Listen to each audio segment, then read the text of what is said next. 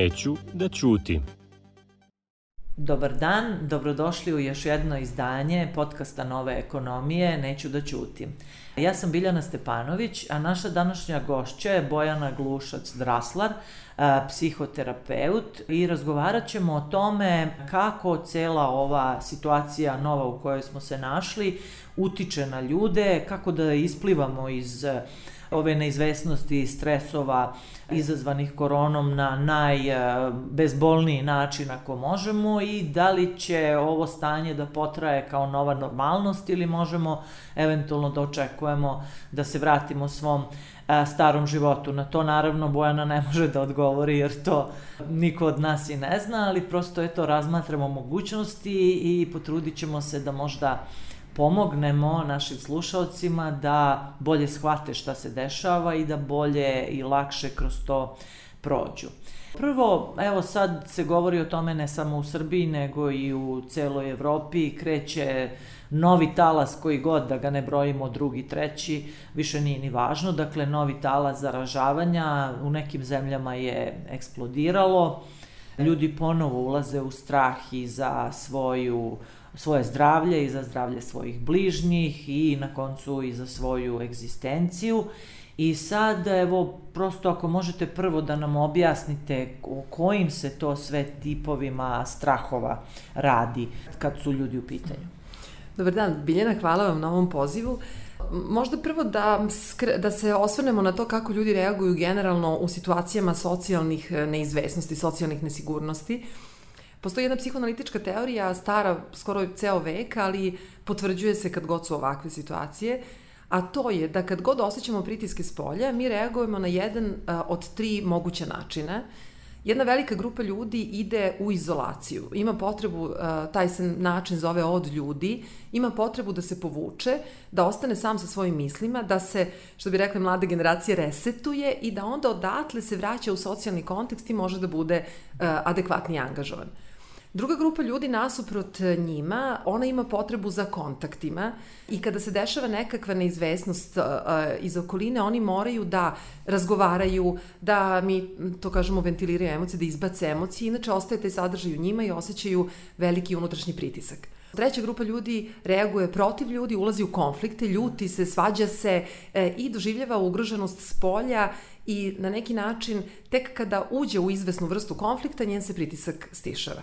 Kao što može i da se pretpostavi, ovi koji reaguju od ljudi, njima najlakše pala izolacija i a, oni su nekako bili u svom a, uobičajenom modu krenule su, meni se dešavalo, ja imam svoju e, privatnu psihoterapijsku praksu, dešavalo mi se da kada se upale one kamere, naravno prešli smo svi na online uh, rad, kad se upale kamere, tačno sam mogla da prepoznam ko je iz te grupe, jer oni se lepo udobno smeste, imaju neki čaj okolo, divnu muziku iza i oni su vrlo lako u po početnim fazama se adaptirali na novo. Ove druge dve grupe, e, ljudi koji pripadaju ovim grupama su imali dosta poteškoće da se adaptiraju, tu su odmah krenule različite vrste e, i strahova i neizvesnosti i nesigurnosti. E, e sada, preporuka struke u ovom delu je ne postoji dobar ili loš način, zapravo mi moramo da razvijamo sva tri. Jer je nekad neophodno da se malo povučemo i da ostanemo sami sa svojim mislima, nekada je neophodno da vidimo da li postoji neka, neki, da kažem, pod navodnicima krivac sa strane, pa da tu tražimo rešenje, a nekada e, je neophodno da iskomuniciramo sa drugima. Tako da, um, moje e, iskustvo ovih par meseci unazad je zapravo najviše išlo u pravcu toga da gledam koje su grupe ljudi i da polako adaptiraju ove druge metode. Tu je istovremeno i rešenje. Prvo prepoznamo šta je, a onda pokušavamo da izgradimo i ove druge načine kako bi se taj unutrašnji pritisak redukovao, da. A ova podela na tri grupe da. ljudi, uslovno rečeno, je li to objašnjava činjenicu da neki ljudi kažu kako im je super rad od kuće i to im je odlično, a neki ljudi kažu da su da ih je to potpuno pomelo jer ne znaju više ni kad rade, ni kad su u kuhinji, ni kad su na radnom mestu, ni šta će sa decom, ni neki su upoznali svog bračnog partnera, pa kao onom vicu kažu ju, upoznao sam svoju ženu, baš fina žena, a neki tek upadaju u kom konflikte jer uh, vide pored sebe 24 sata osobu s kojom nisu navikli da budu yes. 24 sata. Ovo je jedan dosta jednostavan način da se to prepozna. Moja glavna strategija u početku je bila da a, ljude sa kojima radim i prijatelje naučim da prepoznaju sobstveni, ali i tuđe i da polako razvijaju toleranciju, jer se upravo to dešavalo. Ovaj kome je udobno u toj, u toj, u toj izolaciji, odjednom ne može da shvati zašto njegov partner stalno upada u konflikte, praska, neke svađe za, za, započinje kad je njemu odlično. I prepoznavanje tih moda i stvarno razumevanje da nema gori ili bolji, nego prosto da ne ulazimo sad suviše u dubinu, to ima veze sa našim razvojem, vaspitanjem i tako dalje, koji ćemo dominantno usvojiti. Ali da, odgovor na to pitanje može da se nađe u ovoj teoriji. A jel postoje mešoviti slučajevi? Evo sad ja da ne privatizujem, volim da se družim sa ljudima, a ova korona ne da mi je prijala letos jer nisam morala nigde da idem. Kako da, da. to sad? Da, da, moguće. I to naročito je moguće kod ljudi koji razmišljaju o sebi, rade na sebi. Ovo što sam rekla prethodno važi e, kao neka početna pozicija. I, I e, kod ljudi koji rade, ja mislim da sam uspela da razvijem sva tri na primjer u svom životu, ali radila sam, ja sam bila tipičan primjer od ljudi, polako sam razvijala, najteže mi je bilo ovo ka ljudima da tražim pomoć, da prihvatim pomoć i tako. Tako da, da, razvojem, zrelošću, integritetom mi polako usvajamo širi spektar i onda se osjećamo konforniji u različitim situacijama, jer koristimo adekvatan mod. Mnogo ljudi e, više brine za svoju egzistenciju, sadašnju i buduću, nego čak za zdravstveno stanje. Jer što se tiče korone, većina ljudi s kojima sam ja razgovarala, a puno njih ima s kojima razgovaram, kažu, ma neće mene, znate ono naše. Ali za egzistenciju brine. Bilo da je poslodavac, jer ne zna šta ga čeka tokom zime, bilo da je zaposleni i onda to kod ljudi izaziva strahovit stres, frustraciju, anksioznost, Kako da se ljudi bore protiv mm -hmm. toga? Ako mogu, evo samo rečenicu dve o istorijatu toga i isto su za mene to bile nove observacije. Ja sam jedan, nedavno držala slič, neku prezentaciju na jednoj konferenciji međunarodnoj za a, psihoterapiju o tome kako na, u našem regionu šta se dešavalo i kad sam razmišljala o tome šta sam primetila kod ljudi s kojima radim, Meni je bilo fascinantno da otkrijem da je većina ljudi imala onu vrstu straha vezano za situacije koje je već imala u iskustvu. To znači da se dešava neka vrsta ne traume, nego retraumatizacije. Ljudi koji su zbog ovih naših ratnih, ratne istorije, skorašnje ratne istorije, izbeglištva, imali iskustvo da izgube sve, vrlo su se pojačali egzistencijalni strahovi. Oni koji su, na primjer, bili kao deca bolesni, pa su bili puno po bolnicama, njima su se jako povećali strahovi od odlaska u bolnicu, od ovih masovnih bolnica koji su bile organizovane. Oni koji su imali, recimo, zabrane kao, de, kao deca ili adolescenti, jaki zabrane da ne mogu da izlazi iz kuće, da ne mogu, oni su vrlo burno, burno reagovali, najviše strahova imali vezano za to da ne mogu da izlazi iz kuće. Nekako je vrlo vezano, reakcija uvek vezana za istoriju osobe. Za prethodno iskustvo. Apsolutno, jer u stvari mi smo u polju retraumatizacije, ja bih ga tako nazvala. Mi, mi smo, nažalost, e, regija koja je, koja ima živu traumu, koja još uvek krvari, političku traumu, ekonomsku traumu i mi još uvek e, smo rekonvalescenti od toga i stiže nova kriza. I mi smo zapravo u toj retraumatizaciji. E sad, uh -huh. rekao ste malo pre kako da pomognemo sebi, šta da radimo. Nažalost, nema nekih, da kažem, opet zavisi od situacije, kao što malo pre rekoh, taj individualni pristup. Mislim da osoba najbolje sebe poznaje, najbolje može da prepozna šta su, šta su način na koji smo se nekada nosili sa situacijama i šta je nam je pomagalo i da to primenimo. Ali neke generalne ipak preporuke su da pokušavamo što više da zadržimo stare navike koliko god je moguće, jer onda se psiha manje plaši. Ako je stara navika bila da pijem subotom kafu sa prijateljima u 11, onda bi to trebalo uraditi barem online ne gubiti tu naviku. Nije, Nije to isto. tako. Slažem se, slažem se. Ja sam isto tokom e, čitavog ovog našeg perioda sa par koleginica iz celog sveta, mi smo svako jutro pile kafu u 9 ujutru i malo smo razmenjivali iskustva, jer i mi smo se našli prvi put u tako nečemu, iskreno da budem. I onda nam je značila ta podrška Uh, I na kraju kad smo završile taj ceo ciklus od par meseci, onda smo rekli, e, jedva čekamo da se vidimo uživo i da popijemo tu kafu. Nije isto, ali barem da ne gubimo taj nivo kontakta. Jako je važno zadržati komunikaciju s ljudima, bez obzira kom tipu pripadam, ono što malo pre rekoh. Zna se, rađena su neka istraživanja, recimo, kada se desi incidentan, jak stres, neka, recimo, saobraćena nesreća ili nešto, ko će kasnije razviti jače, ko slabije simptome i razne kriterijume su istraživači tu koristili, ispostavilo se da onaj koji odmah posegne za drugom osobom, pozove, okrene, ispriča, redukuje stres. A, ne guta u sebi. Ne guta. Mm. I onda je to glavna preporuka. Ja se ovaj, sasvim slažem sa tom idejom da ovo ne bi trebalo da bude socijalna, nego samo fizička distanca. Zapravo, sada je povezivanje imperativ A upravo je to suprotno od ovoga što se nama savetuje, jer neko meša slučajno, a neko bojim se i namerno socijalnu i fizičku distancu. I mi smo, i nova ekonomija je to pokušavala da, da razdvoji. Dakle, fizička distanca je jedno, to je da čuvam sebe od bolesti, ali socijalna distanca je drugo i to je stvar koja ne bi možda trebalo da se, mm. Da se dešava. Ali da li vam se čini da mi ulazimo u doba, da je tako nazovem, ne zovem je ja, već se i čuje taj naziv, nove normalnosti. Dakle, da ovo što smo do sada imali možemo da zaboravimo i kreće potpuno novo doba sa novim međuljudskim odnosima. Teško mi je nekako da, predvi, da predvidim to i da prepoznam, ne mogu sa sigurnošću da kažem, ali nekako iz ugla profesionalca koji se bavi ovim rekla bih da ulazimo u novu neku fazu. Nadam se da ona neće podrazumevati sve ovo što trenutno živimo. E, ali kao, kao što smo nekad na internet taj čudno reagovali, ja se sećam kad sam prvi put videla mobilni telefon u Italiji, neka bakica u metrou vadi, ja sam se šokirala otprilike, pa mi je sad to svakodnevica. Uh, ja mislim da ćemo morati da neke nove veštine razvijemo vezano za to. Jedna od tih veština je upravo ti socijalni kontakti putem, nažalost, ovih elektronskih e, medija i to. Ja sam, verujte, na početku kad sam prešla na online rad, dugo odbijam i nisam tip koji to voli. Moji kolege decenijama već to rade, ja nisam tela uopšte da primam online klijente.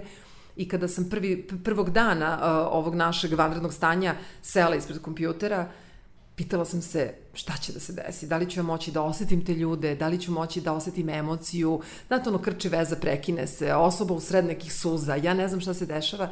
Međutim, trebalo je malo adaptacije, ali smo uspevali. I e, ja sam na kraju malo pravila anketu među klijentima.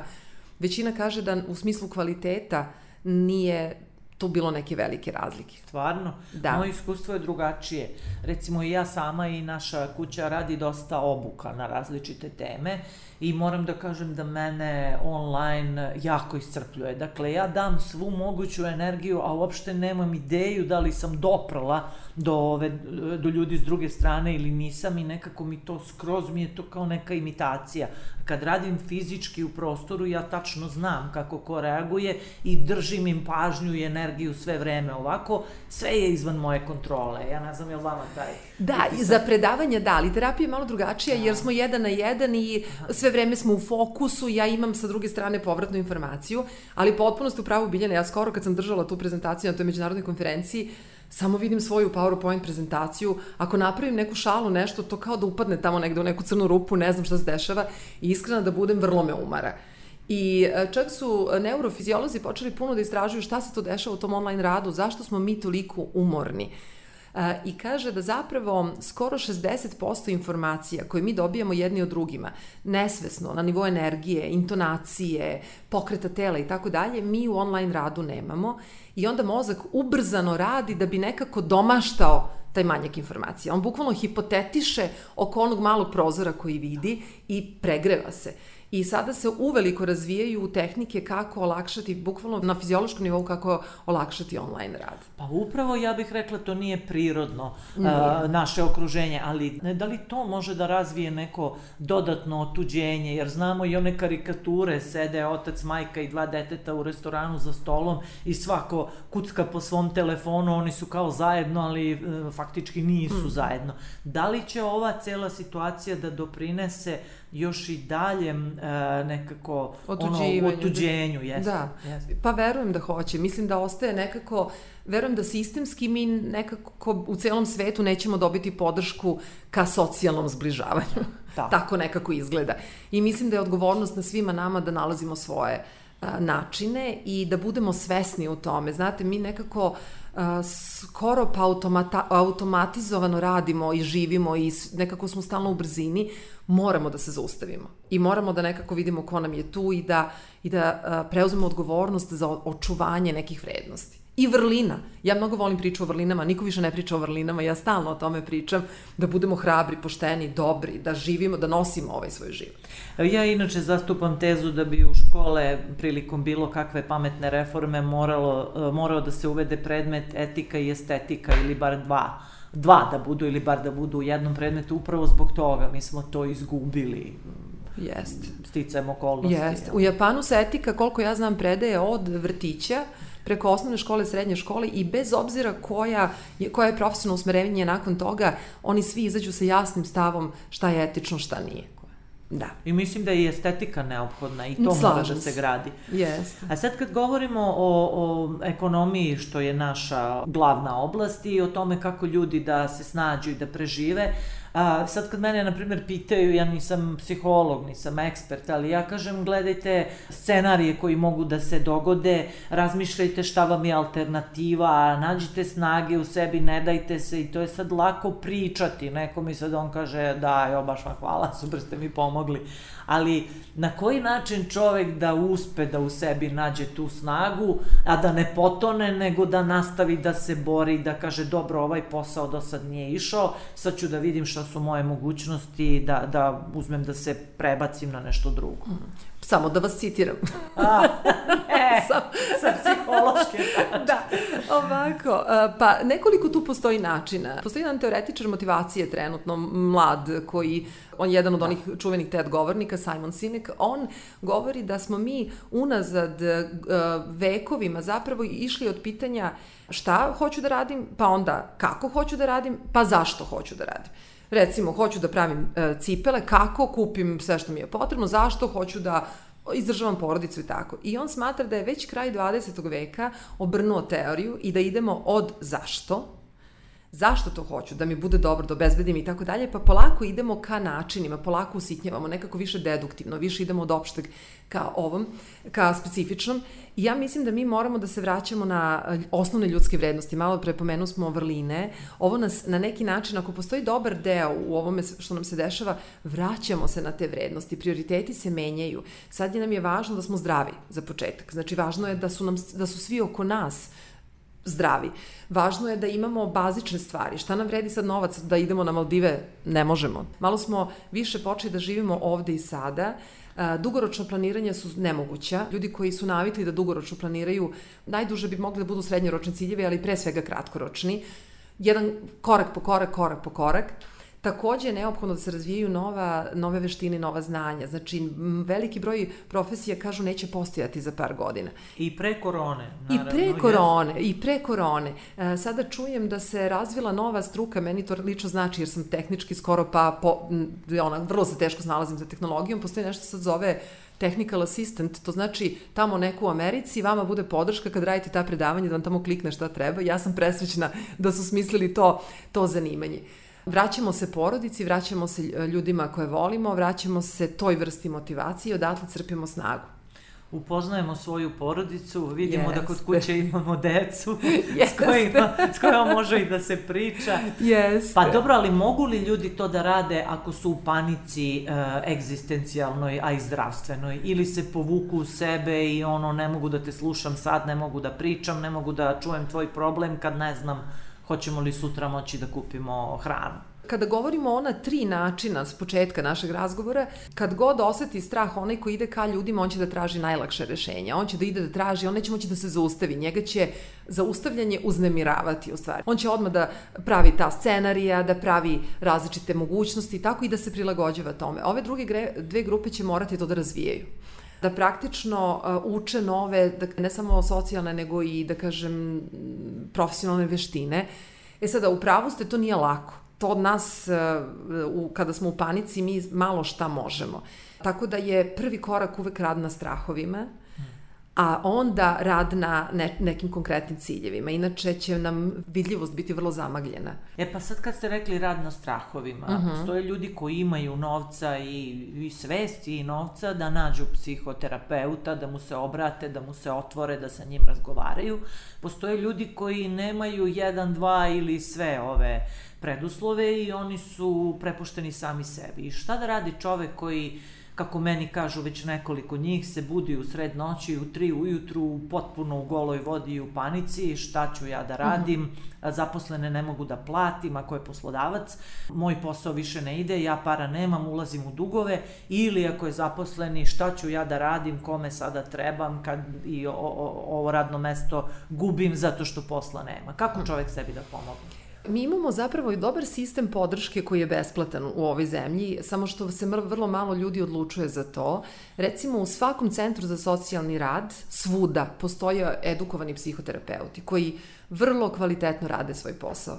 I um, ja, kad god mi se javi neko, mi u Beogradu nekako ili u većim centrima imamo malo više mogućnosti, ali kad me neko pozove ko upravo u toj situaciji o kojoj vi uh, pričate, ne može da dođe do Beograda ili uh, onda u centrima socijalne rada stvarno postoje, postoji kvalitetan i dobro edukovan kadar koji se bavi i psihoterapijom. Veliki broj njih je prošlo psihoterapijske obuke pored bazičnog obrazovanja.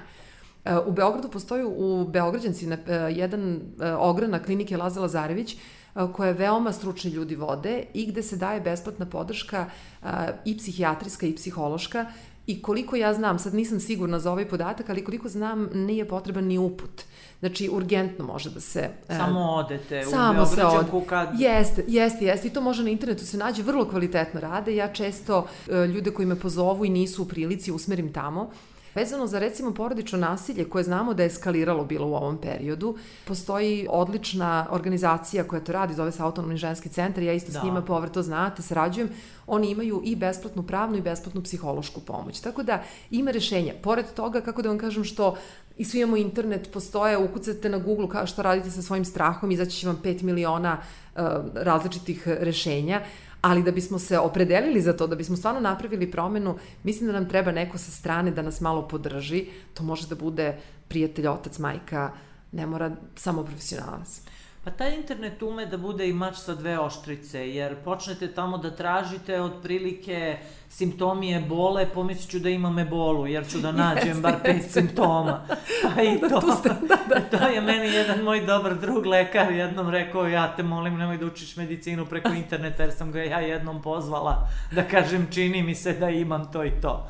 Tako da i to ume da bude mač sa dve oštrice, ali koliko su ljudi uopšte spremni da se u ovakvoj situaciji obrate stručnom licu, da se otvore, da shvate da to nije samo njihov problem i da, da, nije, da nešto s njima nije u redu, nego prosto je negde normalno da ne možemo svi kroz ovo da prođemo normalno. Nemam nekako precizan odgovor na to, ali čini mi se sve više su spremni, ali koji je to procenat naše populacije, to mi je dosta teško da odgovorim. Ja znam da sigurno ja se bavim psihoterapijom preko 20 godina. Kad sam počela 90 i neke, to je zaista bilo tabuizirano potpuno. Sada je već to skoro uobičajeno. Uh, ali sam nedavno i ja imala jednu situaciju gde me prijatelj nešto pitao za čerku, de, devojčica se nešto na studijama se zaustavila nikako da se pokrene, pre toga su imali razvod i to i ja kažem, pa daj daćemo kontakt nekog od kolega da porazgovara sa detetom da vidi, a on na to meni kaže, misliš da je dotle došlo? Mislim, to je najobičnije i zaista kod nas postoji ponekad konfuzija oko toga šta je psihijatrija, šta je psihoterapija. Psihijatrija leči medikacijom i, o, i tu se postavlja diagnoza i diagnostika i radi se sa medikamentima, pomalo razgovora i tako, dok je psihoterapija u stvari fokusirana na lečenje razgovorom i tu ona je odlična za životne krize ne, ne mora da bude patologija u pitanju, dovoljno da postoji kriza, gubitak nekoga, bolest u porodici, razvod i tako dalje. Tako da sve više da, ali ja i dalje ne verujem da je to više od 10% ljudi ovde. Pa to bih ja rekla da je još uvek stigmatizovano, jer vas yes. kad boli glava, vi najmanje što uradite, odete po kafetin, pa ako nastavi idete kod lekara, kad vas boli noga, vi kod ortopeda Mislim, nešto vam nije u redu sa srcem, vi kod kardiologa, a ako vam nešto nije u redu s dušom, a vi onda ne odete kod, kod stručnjaka, yes. ili yes. odete, ne znam nija, ima različitih slučajeva, ima i slučajeva kad su ljudi išli pa su se otuda vratili poraženi, razočarani. Očigledno na tome treba raditi, ali ova potpuno izmeštena situacija koja nas izmešta iz našeg svakodnevnog stanja, da li mislite da, da će bar da pogoduje tome da se ljudi nekako više pomire sa tim da i kad imaju problem sa dušom, da se obrate stručnom licu ili će da se zatvaraju? Ja se nadam da, da sad to ipak postaje normalni izbor, da, da, da će to ipak ići u pravcu toga. Pritom, ja moram da kažem da uopšte ne mislim da je psihoterapija jedini način, jer pre psihoterapije su postojali duhovnici, filozofi, filozofske škole. Ja imam i prijatelje koji kad čitaju Niča, oni dobiju odgovore. Uopšte ne mora, mislim, nije, nije to default za svakoga, ali je jako važno naći svoj. da ne odustajemo od sebe. Ima jedan moj kolega divno iz, izreku, on kaže vrati se sebi dok još imaš kome. I ja mislim da mi moramo da se vraćamo sebi.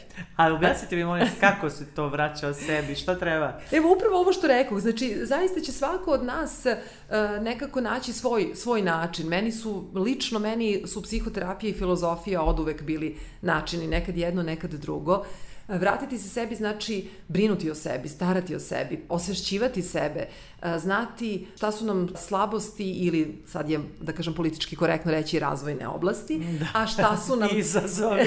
I izazovi, šta su nam izazovi, a šta su naše snage. I ja e, kad radim recimo terapiju, ja najčešće u prvom, prva dva susreta pokušam da napravim tako mapu jednu i to nisu neka, neka neobična pitanja, samo da vidimo i uvek prepoznam šta su snage. Mislim da smo mi manje svesni svojih snaga nego svojih uh, slabosti. To je istina. Ja, evo, opet vraćam se stalno na, na poslovanje. E, to i jeste negde i, i osnovna tema našeg e, ovog podcasta, ali kad ljudi razmišljaju šta sad da radim, ne ide mi ovaj posao, vidim da nema neku perspektivu ili se bojim da je možda neće imati, vidim da a, e, više razmišljaju upravo o tome, da je to problem, šta je slabost, a teško uspevaju da u sebi nađu šta je to što oni još mogu da rade, šta je Tačno. to što je moja nova sposobnost. Ok, Tačno. ne mogu da se bavim novinarstvom, na primer, možda, to je postalo sada deplasirano iz hiljadu razloga, tu novca nema, šta ja još znam da radim pa da mogu da uradim. Čini mi se da je ta stvar a, a, kod ljudi, to je, vi kažete, vi ste to sad rekli, a ja sam to isto empirijski utvrdila. Najteže ljudi a, nađu nekako snage da u sebi otkriju šta ja drugo mogu da radim. Nemoguće da samo jedan posao u životu mogu da radim. Naravno, naravno. To opet ima neku istoriju. Istoriju, a, mi smo nekako kao kultura takvi unazad nekoliko generacija da se dobre stvari podrazumevaju, a loše kritikuju. I onda a, zapravo mi usvajamo takav model da sve što uradimo dobro, naravno, Eventualno možemo da mislimo moglo još bolje, ali, ali ono šta ne valja, na to se fokusiramo. E, postoji jedna nova škola, relativno nova, to je isto par decenija, psihološka, zove se ta pozitivistička psihologija, pritom to nije ovo misli pozitivno i tako, nego utemeljena je na stvarno poznavanju čoveka I jedna od stvari koja se jako preporučuje i recimo to je možda jedan od odgovora na ova naša pitanja je slaviti uspeh Znači, kada nešto dobro uradim, zaustaviti se. Jer mi čim uradimo nešto dobro, a sad šta je sledeće? Ne, nestanemo. Jedno je slaviti uspeh, drugo je negovati zahvalnost. To je jedan od rešenja takođe i za ovu situaciju. E, po njihovim istraživanjima potrebno je otprilike 21 dan e, barem vežbe, da svakoga dana dođemo u kontakt sa tim na čemu smo zahvalni, jer nama se podrazumeva da imamo partnere, podrazumeva nam se da imamo neke pospoda, ništa se ne podrazumeva. U stvari, I tako on malo, da kažem, obogaćujemo ti unutrašnji svet. Kažite mi još za kraj, mm -hmm. e, da li očekujete da kad ovo jednom prođe, a valjda će proći, ili će bar oslabiti intenzitet pa ćemo živeti sa tom koronom, pa se vratiti u neku normalu, da li može da se očekuje taj takozvani e, posttraumatski sindrom, da tek tada eksplodira ovo što je do sad bilo potisnuto ili ćemo ipak uh, ili ljudi prosto kako je u prirodi ljudi će uspeti da se vrate svom normalnom životu jer da ne podsjećamo ono čuveno preživeli smo i hiperinflaciju i bombardovanje i bla bla. Nažalost, mislim da ćemo se ipak sresti sa nekom vrstom posttraumatskog stres sindroma i to za različite generacije na različitim nivoima. Mi koji smo zapravo preživeli sve to, sigurno smo razvili i neku vrstu e, rezilijentnosti, žilavosti i nekako verujem da će ozbiljan broj nas moći da nastavi. Međutim, imam, nedavno sam bila na nekom sastanku sa kolegama koji rade sa decom i posledice koje oni već sada imaju, a radi se o uzrastu od 3, 4, 5, 6 do 10, 12 godina su uh, ozbiljne i ja se samo pitam šta će s tom generacijom biti jednog dana. Pa ja računam, tu su roditelji koji to moraju da shvate pa Jeste, da im pomognu. Slažem se, Jeste. slažem se, da. Hvala vam najlepše. Ovo je e, bio podcast Nove ekonomije Neću da ćutim. Naša današnja gošća bila je Bojana Glušac-Draslar, psihoterapeut. Ja sam Biljana Stepanović i nadam se da vam je ovo što smo do sada govorili bilo korisno. Hvala najlepše.